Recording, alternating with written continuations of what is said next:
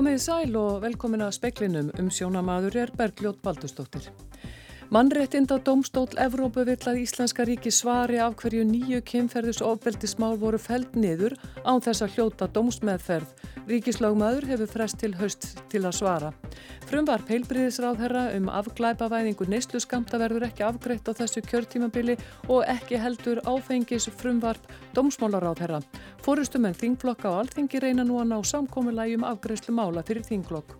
Saksóknar í Peru fer fram á að Keiko Fujimori, fósittis frambjóðandi, verði sett í gæsluvarðhald. Réttarhald eru í gangi gegn henni fyrir fjármálamisverli. Bjartara er yfir rekstri hótela á höfuborgarsvæðinu en var fyrir skömmu, formaði fyrirtækja í hótelrekstri og gisti þjónustu segir bókanir ganga vel. Framkvæmdastjóri SA segir ekki ganga upp að atvinnireikundur séu í stökustu vandraði með að manna störf en fósiti ASI að ekki megi líta á atvinnulöst fólk sem einhverja lag er vörum. Fjallaverður um atvinnuleysi síðar í speklunum og um tölvuglæpi. Íslendingar eru aftarlega á merinni í tölvuöryggismálum. Sérfræðingur segir að fá eigi siðprúða hakkara til að finna öryggiskalla í kerfum hins ofinbera. Mannréttinda Dómstól Evrópu krefur Íslenska ríki svara um hvers vegna kynferðis ofbeldismál voru feld niður án þess að hljóta dómsmeðferð. Lógmaður kvennana nýju sem kerði málið segir líklegt að þau verði tekin fyrir. Ríkislógmaður hefur frest þar til í haust til að svara. Nýju íslenskar konur kerði málsmeðferð Íslenska réttakerfisins í ofbeldismálum þeirra til Mannréttinda Dómstóls Evrópu um síðustum áramót. Fjögur mál af þessum nýju sem hafa farið út, þau eru komin á þann stað að mannréttindadómsdólinn hefur beint tilteknum spurningum til Íslenska ríkisins. Íslenska ríki þarf að svara af hverju þessi málsmeðferð brítur ekki gegn tilteknum réttindum sem að mannréttindasáttmálinn e, veitir íslenskum ríkisborgurum og það eru meðal konum sem þólendum kynferðsóbeldis. Það er engin önnur úrræði í réttafæsleikærfinu fyrir kærendur kynferðsbrota og við töljum þetta að vera ákveðna brotalöfum því að í þessu málum sem fór út þau eiga það sammert að í öllum málunum voru sönnunagögn sem að okkar mati voru til þess fallin að sæta sönnunamati hjá domstólum. Og þetta var Vétís Elva Guðmundsdóttir, nánarverður fjallaðum málið í sjómásferðtum. Bólusetningum laug í laugatashöll rétt fyrir klukkan 6 þegar bóluefni Janssen kláraðist eftir langan dag. Fyrir í dag var fólki ráðið frá því að mæta í laugatashöll þar sem eftirspurt virtist mun meir en frambóð. Eftir að fjöldi fólks hafði verið bóðaður samdægus og laungur röð hlikkjaðist langleðina að glæsibæ. Síðdeis satt heilsugjastlan svo uppi með nokkur hundru skamta og kvatti fólk til að mæta. Áframverður bólusett með bólefni Janssen á mánudag. Fórustu menn þingflokka og alþingi reyna nú að ná samkomi um afgriðslu mála fyrir þinglokk. Þegar er búið að ákveða að frumvar peilbriðisráð þeirra um afglæpa væðingu neyslu skamta verði ekki afgreitt á þessu kjörtímabili og þá þykir ólíklegt að hægt verða að skapa sátt um stjórnarskrár frumvarp Katrínar Jakobsdóttur fósætisráð þeirra. Stemt er að því að ljúka þingstörfum á næstu dögum og hafa formen þingflokka unnið að sátt um forgangsröðun mála 70 stjórnarfrumur býða afgreðslu og þegar er ljóst að ekki verður hægt að afgreða þau öll fyrir þinglokk. Umdeild mál hafa þegar verið tekin að borðinu og verða ekki afgreita á þessu kjörtímabili. Þar á meðal frumvarp heilbreyðisráð þeirra um afglæpa væðingu neysluskamta, leigubíla frumvarp samgöngur á þeirra og frumvarp dónsmálar á þeirra um annars vegar breytingar á lögum um mannanöfn og hins vegar breytingar á áfengislaugjöfinni. Þá þykir ólíklegt að hægt verða að skapa sátt um stjórnarskrár frumvarp Katrínar Jakobsdóttur fósættisráþara. Bóðað hefur verið til fundar í stjórnskipunar og eftirlitsnemnd á morgun til að ræða þetta mál en sangkvæmt heimildum fréttastofu er ekki búist við að máli verði afgreitt úr nefndinni. Þingfundur hófs klukkan halv 11 í morgun með umræðum um fjárökulega frumvarp ríkistjórnarinnar og stendur svo umræða enn yfir. Þingmenn miðflokksins hafa verið áberandi í ræðum og ansvörum síðustu klukkustundir og er búist við að þingfundur standi fram á kvöld. Höskuldur Kári Skram tók saman. Atvinnuleysi hér á landi mældist 9,1% og hefur það farið minkandi í hverju mánuði frá áramótum. Atvinnuleysi í april var 10,4%, í mars var það 11%, 11,4% í februar og 11,6% í januar. Vinnumálastofnun spái því að almennt atvinnleysi haldi áfram að minka í þessum mánuði meðal annars vegna sérstakra atvinnátaka sem stjórnvöld hafa færið í og einni vegna árstíðar sveplum. Vinnumálastofnun gerir ráð fyrir að atvinnuleysi í þessu mánu verða bilinu 7,3 til 7,8%. Í lok mæ voru almennir atvinnuleitendur, þar að segja þeir sem ekki voru með minka starfsflutfall, 17.523 og hafið þá fækkað um 2.380 frá mánuðinum undan. 3.441 einstaklingur sem var í minkuðu starfsflutfalli var atvinnuleys í síðasta mánuði og því voru leiðilega 21.000 manns án vinnu í mælokk. Rúmlega 6.400 hefur verið án vinnu í meir en 12 mánuði og hafði fækka lítilegi þeim hópi frá því í apríl. Atvinnuleysum fækkaði öllum atvinnugreinum í síðasta mánuði með við mánuðin og undan og mest var fækkunin í ferðatengtir starfsemi eins og ferðaþjónustu í miskonar, gisti þjónustu og flutningum og namn fækkunin ádján til 21%. Haugur Holm sagði frá og nánar verður fjallaðum atvinnuleysi síðar í speklinum.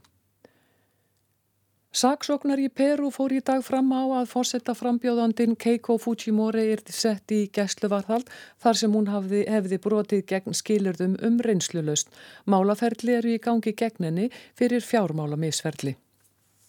Fujimori er sökuðum að hafa brotið lög þegar hún þáði fjef frá stórfyrirtækinu Ódebrekt í kostningasjóðsinn er hún böð sig fram til fórsetta árin 2011 og 2016. Hún hefur jafnan neitað sög en setið 16 mánuði í gæslu varðhaldi vegna þess. Hún fekk reynslu lausn til að bjóða sig fram í fórsetakostningunum sem framfóru á sunnudagin var. Saksóknarinn sem krefst þess að hún veri sett í varðhalda nýju segir að hún hafi rofið skilir í reynslu lausnar með því að hafa samband við vittni í málinu gegn henni en er eftir að telja innan við 1% atkvæða eftir kostningarnar á sunnudag. Petro Castillo, frambjóðandi vinstrimanna, er með nömt forskott 50,2% á móti 49,8% um Keiko Fujimori.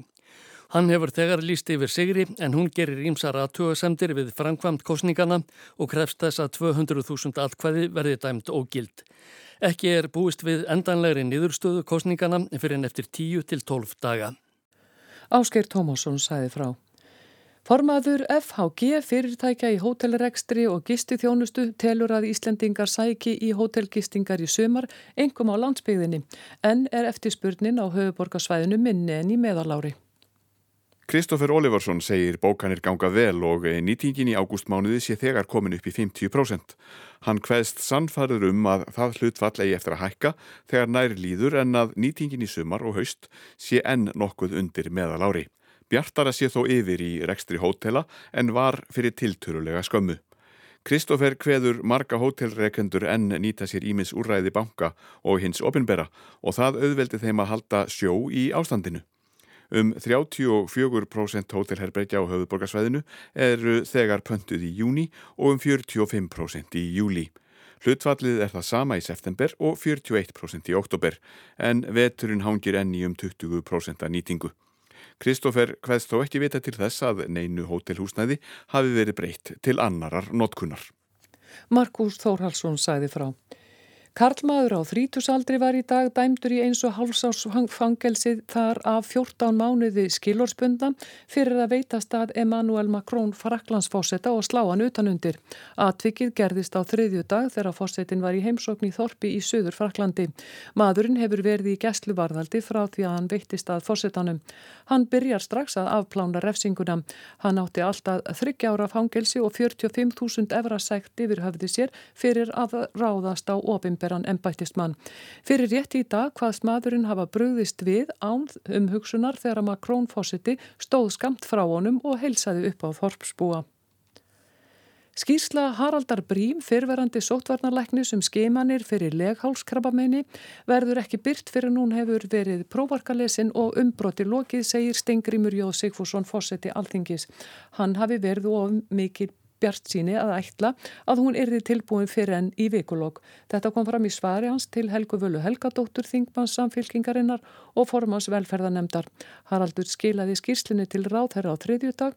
Undir fundarliðnum störf Þingsins spurðist Helga Vala fyrir um skýrsluna sem hafði átt að dreifa í gær.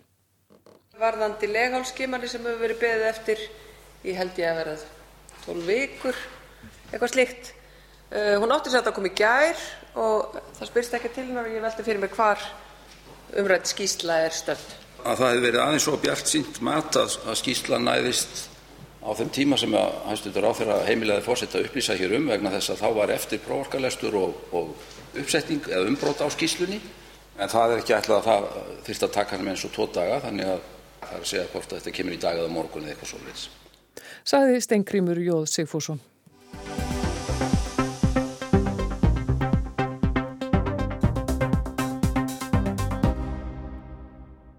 Íslendingar eru aftarlega á merinni í tölvuöryggismálum, segir sérfræðingur og leggur til að siðprúðir hakkarar verði fengnir til að finna öryggiskalla í kerfum hins opimbera. Forstöðumadur netörygis sveitarinnar Sertís segir að tölvu árásum hafi fjölgað og afleiðingar þeirra séu orðnar afdrifaríkari. Netöryggisveitin Sertís ber samkant lögum að fylgjast með tilkynntum málum er snúa að mikilvægum innviðum hér á landi. Guðmundur Arnar Sigmundsson, forstöðumadur netöryggisveitarinnar, segir að tölvuglæpum og innrásum í kerfi fyrirtækja og stopnana hafi fjölgað verulega undanfarið bæði hér á landi og erlendis.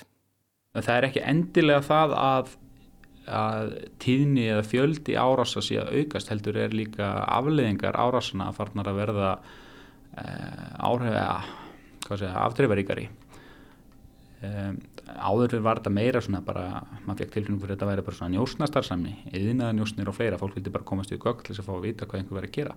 Nú er sannlega verið að fara inn og skemma gögn eða að taka þau í gíslingu og krefast lausna fyrst og það er stórvaksandi hérna bransi í rauninni má segja, niðanjara bransi. Uh, tölfræðin í þessu segir okkur að, að með auðvögnu sem NISA hefur þá er hérna uh, fjárastlegu skaði af uh, árásum frá því 2017 þá var það 1,4 biljón dólara á áskurðundulli og voru tæpar 5 biljónum dólara núna 2020 við erum ekki komið tölur fyrir 2021 og þetta er bara, þú sér þetta er 4-5 földun á, á hérna á ekki lengri tíma en þetta. Theodor R. Gíslason er tæknistjóri hjá tölvu öryggisfyrirtækinu Sindis. Hann segir að Íslendingar séu aftarlega á merinni þegar að tölvu öryggismál eru annars vegar, ekki sé eitt svar til við því hvað eigi að gera til að breyta stöðunni. Eitt sem ég held að sé ekki skortur á Íslandi er fólk með áhuga og tæknilega getu á stafrænu öryggi og sviði stafræns öryggis og ég held að, að við þurfum að opna okkar huga fyrir því að leifa þessu fólki kannski að, að finna þá svona kannski kerfislegu veikleika sem eru til staðar í okkar stafræna umhverfi. Og fyrirmyndin er, er til í kringum okkur. Það er í bandarækjunum þá eru þeir með það sem eitthvað sem heitir Hack the Pentagon. Og það er þá bara af ríkinu eru þeir að leifa þessum siðbrúðu tölvu þrjótum að brjótast inn í kerfi eh, hersins, bandaríska hersins til þess að finna veikleika og láta vita á ábyrgan hátt. E, á Íslandi og orðið yfir þetta er hérna svona crowdsourcing og kalla bug bounty er að, að þarna er þetta virkja líðin til þess að auka öryggi stafrætna umhverfa. Með því að leifa fólkinu sem vill bæta umhverfi sitt og Íslandi er mikil, mikið af þannig fólki sem vil bæta okkar stafrænu umhverfi og veitir um alls konar kerfislæga hluti og, og hættur og, en hefur ekki þennan vettvang til að koma svo framfæri. Þannig að ég held eh, og mér dreymir um að við náum að innleiða svona, svona stýrða líðvistun á uppgötun stafrætna ógna fyrir Ísland Hack the Pentagon tilraunin hófst árið 2016. Þá bauð hið opimbera í bandaríkjunum siðprúðum hökkurum greiðslu fyrir að brjótast inn í varnamálaráðuneytið og um leið draga fram í dagsljósið veikleika tölvukerfana. The best defense is a good offense, so the Pentagon challenged hackers to assault its cybersecurity system. The experiment ended today. Here's David Martin with The Revenge of the Nerds. Hemd nördana, sagði fréttamaðurinn hjá CBS þegar að niðurstöður tilraunarinnar voru kynntar. Hún skilaði miklum árangri því síðan þá hafa varnamálaráðuneyti bandaríkjana borist yfir 29.000 skýrslur um galla á kerfinu. 70% þeirra reyndust réttar. Samskonar tilraunir og hakkið varnamála ráðuniti í bandaríkjónum hafa verið sett af stað hjá Evrópusambandinu og á Norðurlöndunum en ekki á Íslandi. Theodor segir að hér á landi yrði hið ofinbera að koma þess af stað ef gera ætti alvöru tilraun og netöryggisveitin Sertís kæmi þar stert inn. Ef þú gerir þetta þannig að allt Íslenska ríkið er hluti af umfanginu e, og, þar, og Íslenska ríki býður siðbrúðum hökkurum að hjálpa þeim, hjálpa okkur öllum að gera okkar stafran umhverju örgara þá, þá held ég að þetta gangi upp. En þá þarf eitthvað svo leiðist þú getur ekki tekið þetta bara eitthvað hálkák e, í mínum huga allavega. En ef ég þetta væri þessi eini hluti sem ég veit að, allavega í höstum og e, myndi auka öryggi okkar umhverjus miklu, miklu meir en en, en kannski þess að tilgerðarlegu lausnir og, og vörur sem verður einlega oft. Segir Theodor hjá Sindis og Guðmundur hjá netöryggisveitinni segir að hugmyndin að hakka tölvukerfi í því skinni að finna öryggiskalla á vegum hins ofinbera sé allrar skoðunar verð. Já, mér finnst það, það verðt að aðtuga það. Það er ágætis hérna, eh, hvað sé ég, svona afurður að koma út úr þessu uh, hjá þeim sem hafa fara, fara stað með þetta elendis. Mm. Þetta er náttúrulega Hacker Pentagon eða aðferðafræðin, Hacker 101 er svolítið svona að keira þetta áfram uh, eru að í rauninni að virka almenning til þess að finna öryggishólur í þeirra einn kerfum og er að greiða fyrir það. Þannig að þessi orka og þessi forvitni hjá mörgum sem eru kannski ekki með að sem atvinnustar sem er að stunda netklæpi, þetta er meira bara svona forvitni og og finnst þetta spennandi að ef að þeir geta fundið öryggishólur í, í ofnbjörnum kerfum eða hjá mikilvægum innviðum og tilkynnta og fengi greitt fyrir þá er það í mínum huga svona algjört win-win situation eða staða. Veikleika skannanir hafi verið framkamdar á vegum hins ofinbera og af enga félögum sem sinna tölvugeiranum. Netglæpamenn taki ekki mið af landamærum og árásir Erlendis geti léttilega smittast yfir til Íslands og öfugt. Hann tekur undir með Theodor að mikilvægt sé að fyrirtæki og stopnanir æfi netárásir. Netörgisveitin sjá um að halda slíkar æfingar með þeim sem tilheyri ofinperum innviðum. Almenn fyrirtæki á einhvermarkaði ættu að huga því líka að halda æfingar og ef þeir telja sér ekki hafa nægilega teknilega þekkingu til þess að skipulegja og halda þannig hérna æfingu þá, þá bara eru mjög sterkir aðeinar á markanum sem geta aðstofað við það. Theodor segir að bæta þurfi ástand þessara mála hér á landi. Ég hef sagt þetta og mun halda þessu áfram að segja að við erum þriða heimsriki þegar kemur að stafrönu örki. Við erum það. Við, höfum, við tökum þetta ekki alvarlega, það er værukjærðin er, er gríðarlega, ábyrðin er alltaf flekt áfram yfir að tæknum ennina. E, þetta er það sem ég sé ég sé þetta líka þegar fyrirtækinu hafi verið hökku það er, það er einhver annar sem situr út í hodni og hann er skammaður og, og það er ekki rétta aðferðin Aðferðafræðin sem nótuð var þegar að hakkarar könnuðu veikleika varnamálaráðuneyti sinns bandaríska geti nýst hér á landi. Slíkri tilraun mætti líka við almannavarnir á netinu. Einhvers konar stafrænar almannavarnir og eitthvað sem virkjar rannsóknar hugafarið. Eh, þú veist að það séu raunverulega einhver vísind á bakveita, þú veist hvernig við erum að afla gagna og hvernig við erum að melda þær upplýsingar sem við höfum um Ísland og það séu greindar rétt og það sé til viðbra. Ég held að það sé kannski e, það sem þyrti.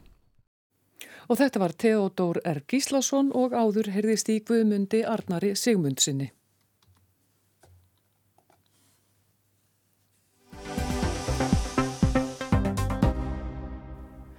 Þó að atvinnuleysi hafi lækkað hlutfalslega um 12% í síðasta mánuði segir framkvæmtastjóri samtaka atvinnulífisins að ekki sé hægt að fagna því sérstaklega því atvinnuleysi sé enn ósættanlega hátt og ásættanlega hátt. Það gangi heldur ekki upp að atvinnureikandur sé í stökustu vandraðum eða mannastörf sem þeir auglýsa. Fósiti ASI segir að ekki megi líta á atvinnulust fólk sem einhverja lager vöru sem hægt sé að kippa í með stuttum fyrirvara. Það sem að stendur eiginlega upp úr þar er að að landi er að rýsa miklu hraðar mm. uh, heldur en að dökkusbátnar gerður áþyrir sagði Ásmundur Einar Davarsson félagsmálar á þeirra í morgunútvarpir ásar 2 þegar hann sagði frá nýjum atvinnuleysistölum í mæ. Samkvæmt heimi minkaði atvinnleysi um 1,3% stegi í síðasta mánuði úr 10,4% í 9,1%. Hlutvarslega þýðir þetta að dreyi hefur og atvinnleysi sem nefnur 12,5%. Vinnumálastofnun spáir því að það drægi enn frekar úr atvinnleysi og að það geti jætvel farið niður í rúmi 7% í þessu mánuði. Almennt atvinnleysi er sem fyrir mest á suðunjasjum 18,7% en mingaði þó með 3% stig. Það þýðir að hlutvarslega hafi atvinnuleysið á suðunjasjum mingaði með 14 af 100. Birna Guðmurstóttir, deildastjóri gagnagreininga hjá Vinnumálastofnun, segir að þetta sé töluvert mikil lækkun atvinnleysis. Og töluvert meiri lækkun heldur en hefur verið. Sko atvinnleysi hefur lækkað frá janúamánuði en hefur verið þar, þá hefur fólki verið að fækka á atvinnleysi skráum það byl kannski um 800 um 1000 manns en núna í mæmánuði semst til loka mæ að þá fækkaði um 2400 manns og, það sem meira er að það stefnir í að, að uh, fækkunin verði enn meiri í júni. Byrna segir að atvinnleysum gæti fækkaðum 3000 manns í þessu mánuði sem gæti þýtt að atvinnleysið er farið niður í 7,5%. Ekki líka fyrir spárum næsta mánuð. Þá tíu daga sem liðnir er af þessu mánuði hafa með 1700 manns verið ráðnir í störf. Rúmur helmingur þeirra sem nú er ráðinni tengjast átækinu hefjum störf sem er bundi við að ráði sér fólk af atvinnleysi skrá. Meir en helmingur af þessari fækkun hefur verið vegna þess hvað gengur gríðarlega vel að ráða í störf í átækinu hefjum störf þar sem að markmiða er að ráða 7000 manns og nú þegar er búið að ráða 3000 og ráðningaferli tekur nú nokkuð tíma sko þannig að það er alveg það er alveg 2000 viðbót í pípunum bara í þessum mánuði ef, ef ekki meira. Og, og það kemur, kemur ljós hvernig það þróast hvort að verði hægist eitthvað á þessu. Segir Birna Guðmustóttir Bjarsinis tónin er ekki eins mikill hjá Haldóri Benjamini Þorberg sinni, framkvæmtastjóra samtaka atunlýsins, þegar hann er spurður hvort þessar tölur segja okkur að við séum komið með pálmann í hendurnar. Já, maður fer bara yfir tölunar eins og það er byrtast, þá eru atvinnuleysi ennþá óásættanlega hátt á Íslandi.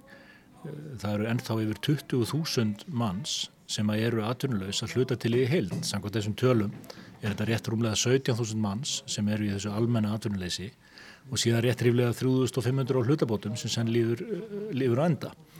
Það eru auðvitað staða sem við getum ekki unna við sem samfélag og við getum ekki verið að fagna þessum tölum sérstaklega. En nú er eh, að fækka um ja, 2004.000 manns og útliti virðist er jafnvel gott fyrir eh, þennan mánuð. Eh, ber ekki að fagna þessu? Þetta fögnum við því í hvers skipti sem að einhver fer af atvinnuleysinskrá og inn á vinnumarkað. Það er mark með okkar allra í samfélaginu, sama hvort það eru samtök atvinnuleysins, verkalýsreifingin eða stjórnvöld. En ég hef eins og þar áhyggjur af því að það séu ennþá tæplega 20 eða um 20.000 manns atvinnuleysa hlutaðið í heild og þú sér það til samanbörðar er um 4.000 manns í hverjum árgangi í Íslandinga þannig að við getum sagt að þetta séu um það byrjum 5 heilir árgangar sem eru atvinnuleysir. Það er óasættaleg staða á allan mælikvarða. En hver er viðbröðu verkaleysreifingarinnar við nýjum tölum um atvinnuleysin þegar að drífa snædalfossitaðis í er spurð hvort að ástæða sér til að fagna.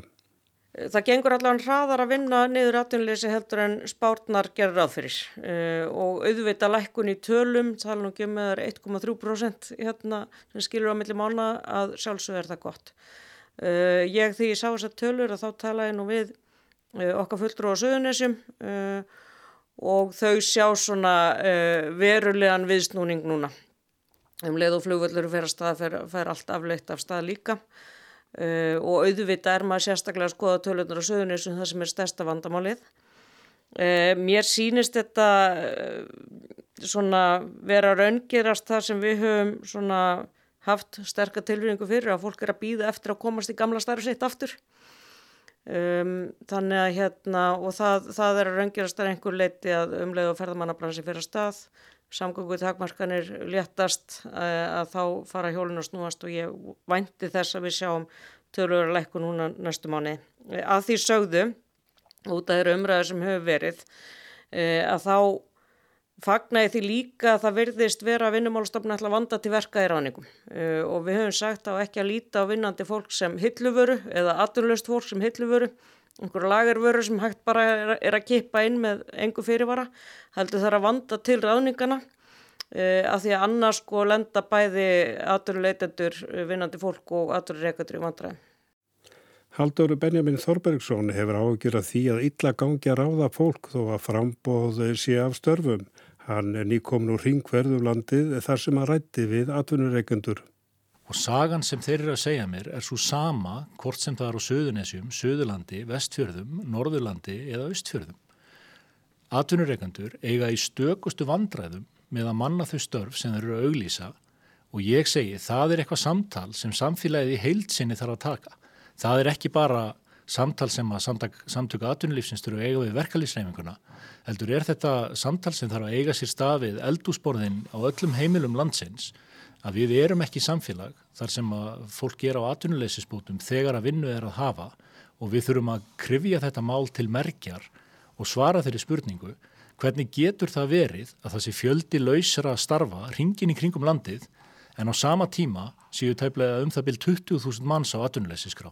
Það er jafna sem gengur ekki upp til framtíðar. Hefur þú svar? Það er ekkit einlít svar við svona flóknum spurningum. Hins vegar tel ég að vinnumálastofnun verði að leggjast í frekar í greiningar á þessu.